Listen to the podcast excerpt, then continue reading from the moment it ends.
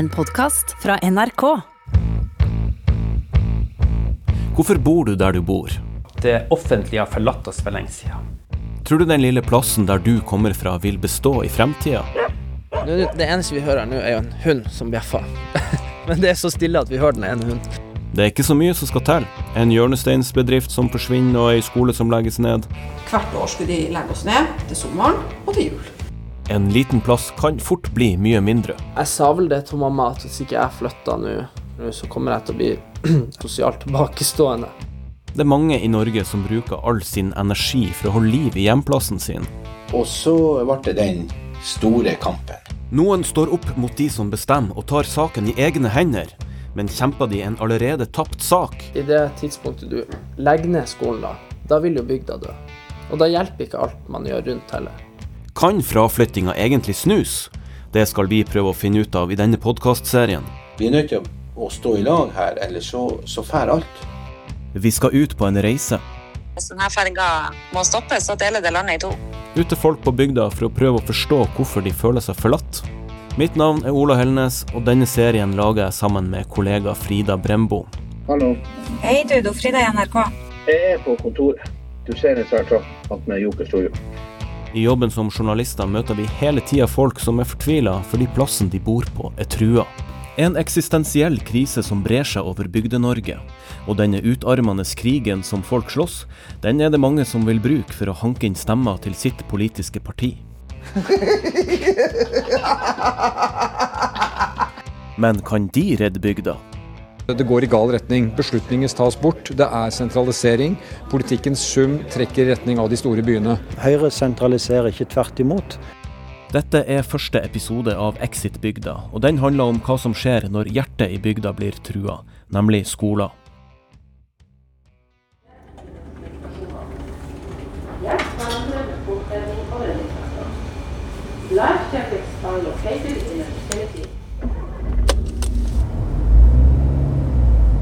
Og Frida er på vei til et knøttlite sted i en kommune som ikke lenger eksisterer, sammen med en kjendis som ikke vil bo der lenger.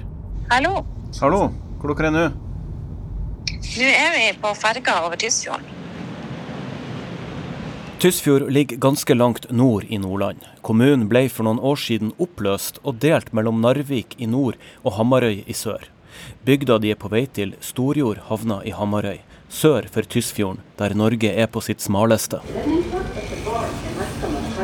Det er ikke mye igjen her. På 80-tallet kunne du fikse tennene her, heve en sjekk i banken og hente ut pakker på posthuset, hvis du var så heldig å få sånt da. Var det ellers noe galt med deg, kunne legen her hjelpe deg, men legen er borte nå, sammen med banken, posthuset og tannlegen. Kraftselskapet pakka også ringpermer og skrivemaskiner og dro til nærmeste by. Her er, vi jo, her er jo butikken. Her er sentrum på Storøra. To kjente fjes kommer herifra. Årets nordlending i 2014, Erlend Elias. Jeg vil gjerne se deg i tighte jeans. Er ikke de her tight nok? Dette er det strammeste jeg har. Det er mye å gå på, da. Vi får plass begge to oppi buksa der. Ja, kanskje det, ja. Og lillebroren Erik Sæter. Og det er han som sitter i passasjersetet. Ja, og velkommen til en ny video på Erik kasta Lucifer ned fra sofaen.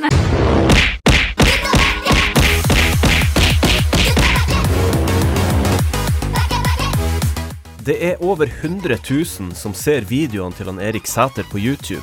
Han har vært med i Paradise Hotel og Farmen kjendis, og den første låta han ga ut, gikk rett inn på topp 50-lista på Spotify. Men det er kanskje køddinga med broren på YouTube som er det artigste. Hold nå kjeft! Jeg blir og dreper deg! Og gjør som han Erlend sier. Hvis ikke Abonner! Han har også ei litt anna side som du ikke ser her inne. Jeg har jo vært uh, uforholdsmessig mye involvert i lokalpolitikk uh, i ung alder. Nå studerer han statsvitenskap og bor i Oslo. Rimelig langt unna gamle minner fra klasserommet på Storjord. Kjenner du lukta? Sånn her, lukter, sånn her har det alltid lukta her. Og det mener jeg. Det lukter litt sånn eh, Vet ikke hva det lukter. Det lukter litt gammel, kanskje? Gammelt, ja. ja det, for det her er gamle delen. For skolen er da det er en ny del og en gammel del. Og den nye delen er jo sikkert 20 år nå, men, men den var veldig ny da jeg var liten. da. Hvordan vil du si at oppveksten og skolegangen her på Storjordet har forma deg? For min del så tror jeg jo at det har vært veldig viktig for meg at jeg har blitt sett hele tida. Fordi, fordi jeg har jo faktisk det. Selv om jeg kanskje ikke følte det så jævlig mye da jeg var unge, for det var veldig vanskelig å ha med å gjøre, um, så tror jeg jo det at det at jeg hadde lærere som så meg, og som var såpass nært på meg hele tida, og at det var de samme tillitspersonene over mange år, eh, gjorde at jeg ble veldig trygg i meg sjøl, da. Men etter hvert som han Eirik ble stor og trygg på seg sjøl, så skjer det ting gradvis inni hodet på han. Han har knapt rukket å bli tenåring før han tar et valg som deler familien i to. Som 13-åring så var det jo litt sånn prekært, fordi jeg hadde et sterkt ønske om å flytte. Eh, eller, eller i hvert fall få, hvert fall få gå på, på, den andre skolen, da. Eh, og da pappa var jo ordfører i Tysfjord. Og en ordfører kan ikke flytte ut av sin egen kommune. Så mamma og pappa kunne jo ikke flytte. Eh, men da var jo mamma og pappa så hendige at de Og mamma flytta da på papiret med meg til nabobygda, mens han pappa ble værende. Så for å få gjennom det, så måtte jo de separeres, for de har vært gift i 30 år. så de måtte ta opp separasjon bare for at jeg skulle få innvilga ønsket mitt om å gå på den større skolen og, og bo på den litt større plassen, da. Uh, og det er jo sånn i retrospekt så er jo det veldig, en veldig markant handling av dem, da, uh, som par og som foreldre. Og jeg var veldig glad for at de gjorde det for meg. Så jeg bodde jo med en hybel uh, med mamma da, på nabobygda. Mens huset sto jo her, og pappa var jo her. og Det var jo egentlig ikke slutt, det var bare for å omgå reglementet, sånn at hun fikk lov å ta meg med dit, og jeg fikk lov å begynne der. Så det var, det var ganske stor sånn omveltning som måtte til bare for å tilfredsstille mine ønsker. da. Kan du si sånn konkret hvorfor det var viktig for deg å gå på en større skole? Ja, det Å, det blir vanskelig. Altså, herregud. Jentene jeg var forelska i, gikk jo der. Beste, mine beste fotballkompiser var jo der. Eh, muligheten for nye venner eller nye kjærester var jo der. Og den var på en måte ikke her. Og det var rett og slett av mangel på, på barn. Det var jo ikke det var ikke noen som hadde gjort noe feil utover det. Følte du ikke at du forlot et synkende skip? Jeg følte vel kanskje at uh, Ja, kanskje man forlot et synkende skip, at det var litt følelsen man hadde. Men når man er 13, så er årene så lange, ikke sant? så jeg kunne ikke se for meg å være her i to år til, og så var vi, så var vi fem elever på ungdomsskolen. da. Det ble for lite for meg da. Han Erik var ikke den eneste ungdommen som forlot bygda, og noen år senere så starta den uunngåelige kampen om skoler på Storjord. En kamp med blakke politikere på den ene sida Økonomisk situasjon han er direkte steintøff. Og desperate foreldre som er villige til å bryte loven for å redde skolen sin, på den andre sida.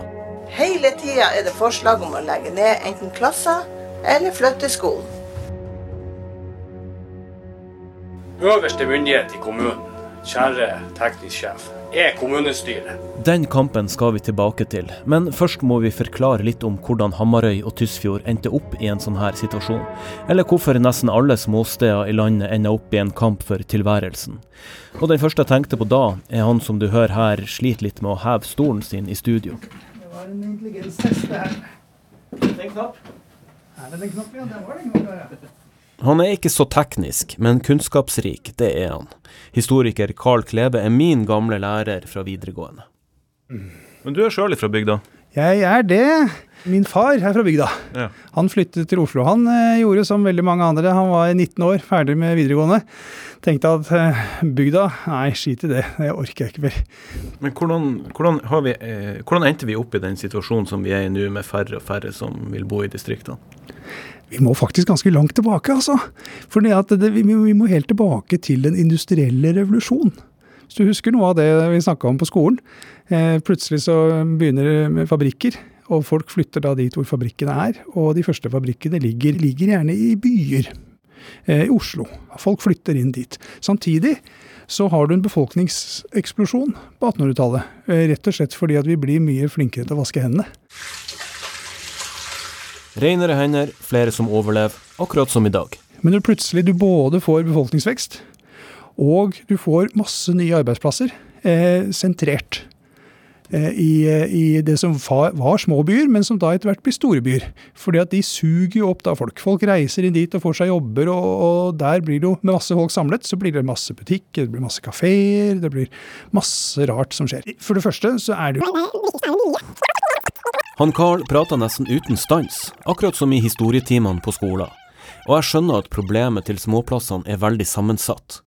Hovedfienden til bygda har på mange måter vært teknologiske fremskritt. Maskiner, roboter, automatisering. Det trengs ikke folk til å gjøre jobbene lenger, f.eks. i skogen. Du kan ha en eh, hogstmaskin som går ut og både kabber tre treet og kvister og drar det med seg. Du trenger ikke å ha 14 tømmerhoggere eh, som står der og gjør det. Sånn at veldig mange av disse arbeidsplassene som da alltid har vært gjort på stedet, forsvinner. Mens de som sitter og skal lede virksomheten, de kan ikke så lett erstattes med roboter. Og de sitter i sentrale strøk, da. Og så har du byens iboende djevelskap. Folk klarer ikke å holde seg unna som flua til driten. Det er alltid vanskelig å konkurrere mot den største. Den største byen har en sånn her pull, den drar deg inn. Eh, fordi at der er det, det er kule arbeidsplasser, men det er også kule ting å gjøre. Og det er ikke minst masse mennesker. Vi liker å være et sted hvor det er masse mennesker. Det er mye morsommere på en fotballkamp med 70 000 tilskuere enn 700. Det blir en ond spiral der det meste går ned, også antall barn. Og til slutt er skolen i spill i det tidspunktet du legger ned skolen, da, da vil du bygda det. Da vil du bygda det. Da vil du bygda det.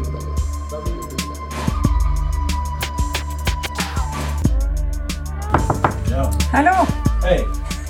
Jeg kommer rett ned. Jeg må bare ta to, to telefoner her. Hun Frida er kommet til sentrum i Storjord. Dvs. Si butikken, turistsenteret og noen kontorer. Og i et av dem sitter en engasjert fyr. Han heter Øyvind Johansen. En ildsjel. En ildsjel, ja. Eh, han her vil jeg si eh, han engasjerer ikke bare for, for, barn og unge og aktiviteter i bygda si, men han prøver å redde bedriftene, og han tar usannsynlig høy økonomisk risiko. Det har gått en faen i han Øyvind Johansen. Egentlig driver han selskapet Øyvind Johansen Maskin. Graving, riving, rydding, brøyting, bygging, du skjønner. Det selskapet går så godt at han bruker overskuddet der til å hjelpe andre bedrifter. Andre bedrifter i området. Alt for å holde liv i hjemplassen sin. Plutselig så var de som drev butikken sliten og klar, så måtte ta over butikken. Han er en utrøttelig stabukk som heller ikke går av veien for litt sivil ulydighet hvis det står om skolegangen til ungene. Aldri en kamp uten at det har en kostnad. Det er alltid en kostnad. Kan kanskje folk se at det er litt for sta, og litt for at nå må du gi det, men, men, jeg har ikke det med å gi meg, altså. Og han er selvfølgelig politisk engasjert, for Senterpartiet. Eh, vi er kommet så langt at vi skal gå til votering.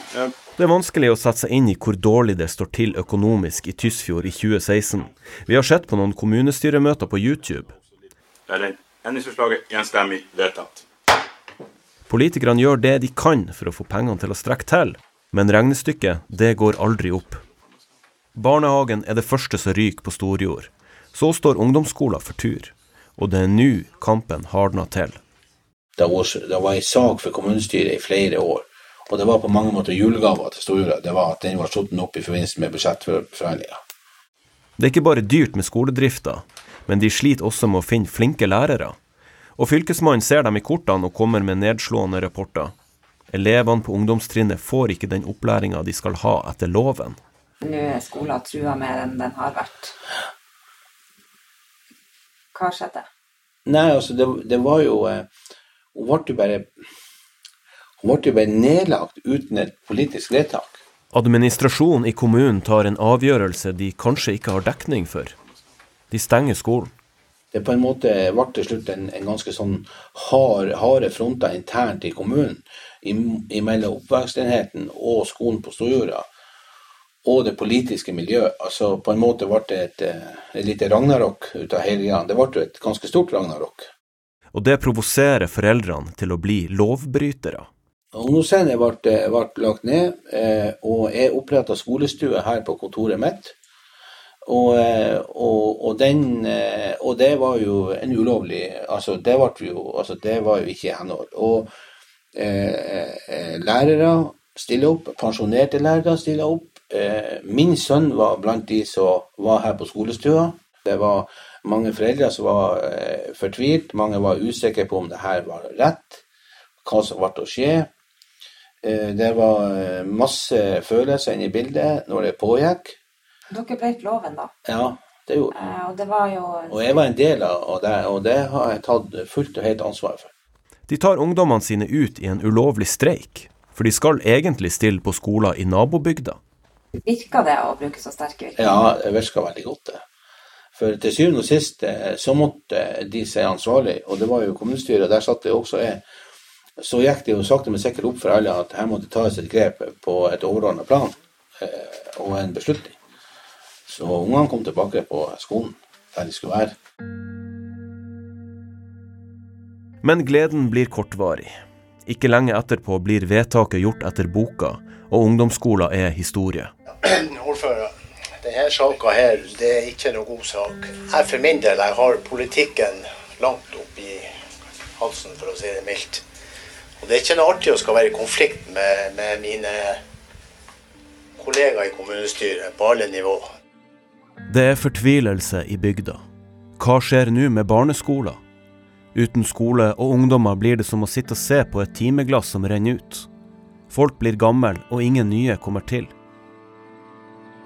Tenk å sitte der som politiker og ikke ha lyst til å legge ned en skole, og i utgangspunktet se at ja, vi kan klare å holde skolen eh, i live hvis vi bare får lærere som er kvalifisert. Og så finner de ikke tak i dem. Det blir en kamp på flere fronter. Det er en kamp hele tida, og det blir en sånn her, som jeg sier, det er en følelsesmessig berg-og-dal-bane å jobbe med det her stoffet, fordi at du blir så dratt imellom. Du kan forstå den ene sida, du forstår den andre sida, men det er jo fortvilende. Og den usikkerheten med skolen gjorde dessverre at det flytta mange, eller for herifra, pga. at de greier ikke å leve med den usikkerheten. sant? Men fins det en vilje, så fins det en måte. Nå må vi bare gjøre det, som vi har, som vi har trua og prata om så lenge. Nå gjør vi det.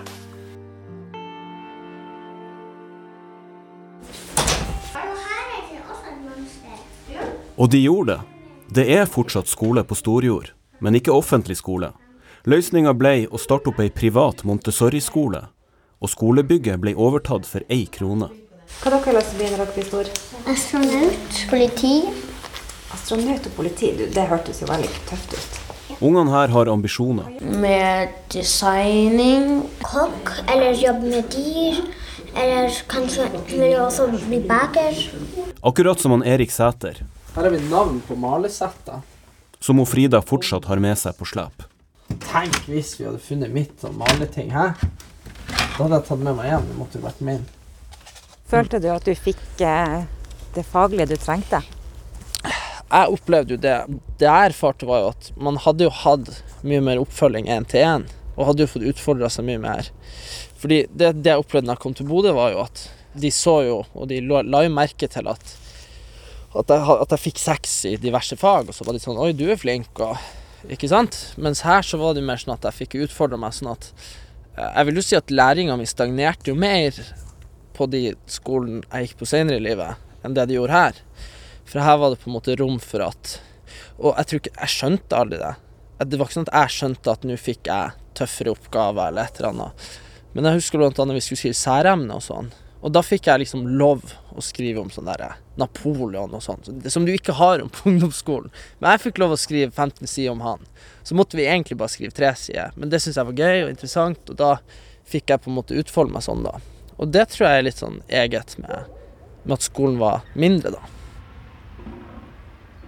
Han Erik kan dra fra Storjord etter dette besøket, men for de som har valgt å bo her, fortsetter kampen.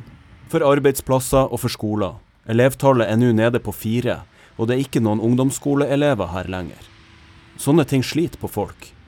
Det er jo en, kanskje 200 stykker som bor på Storjord, sånn at i mange ulike situasjoner vil de treffe hverandre. Og pga. denne splittelsen og denne skolekrigen og kampen de har hatt, så er det altså folk som ikke prater med hverandre i dag fordi at det ble så personlig.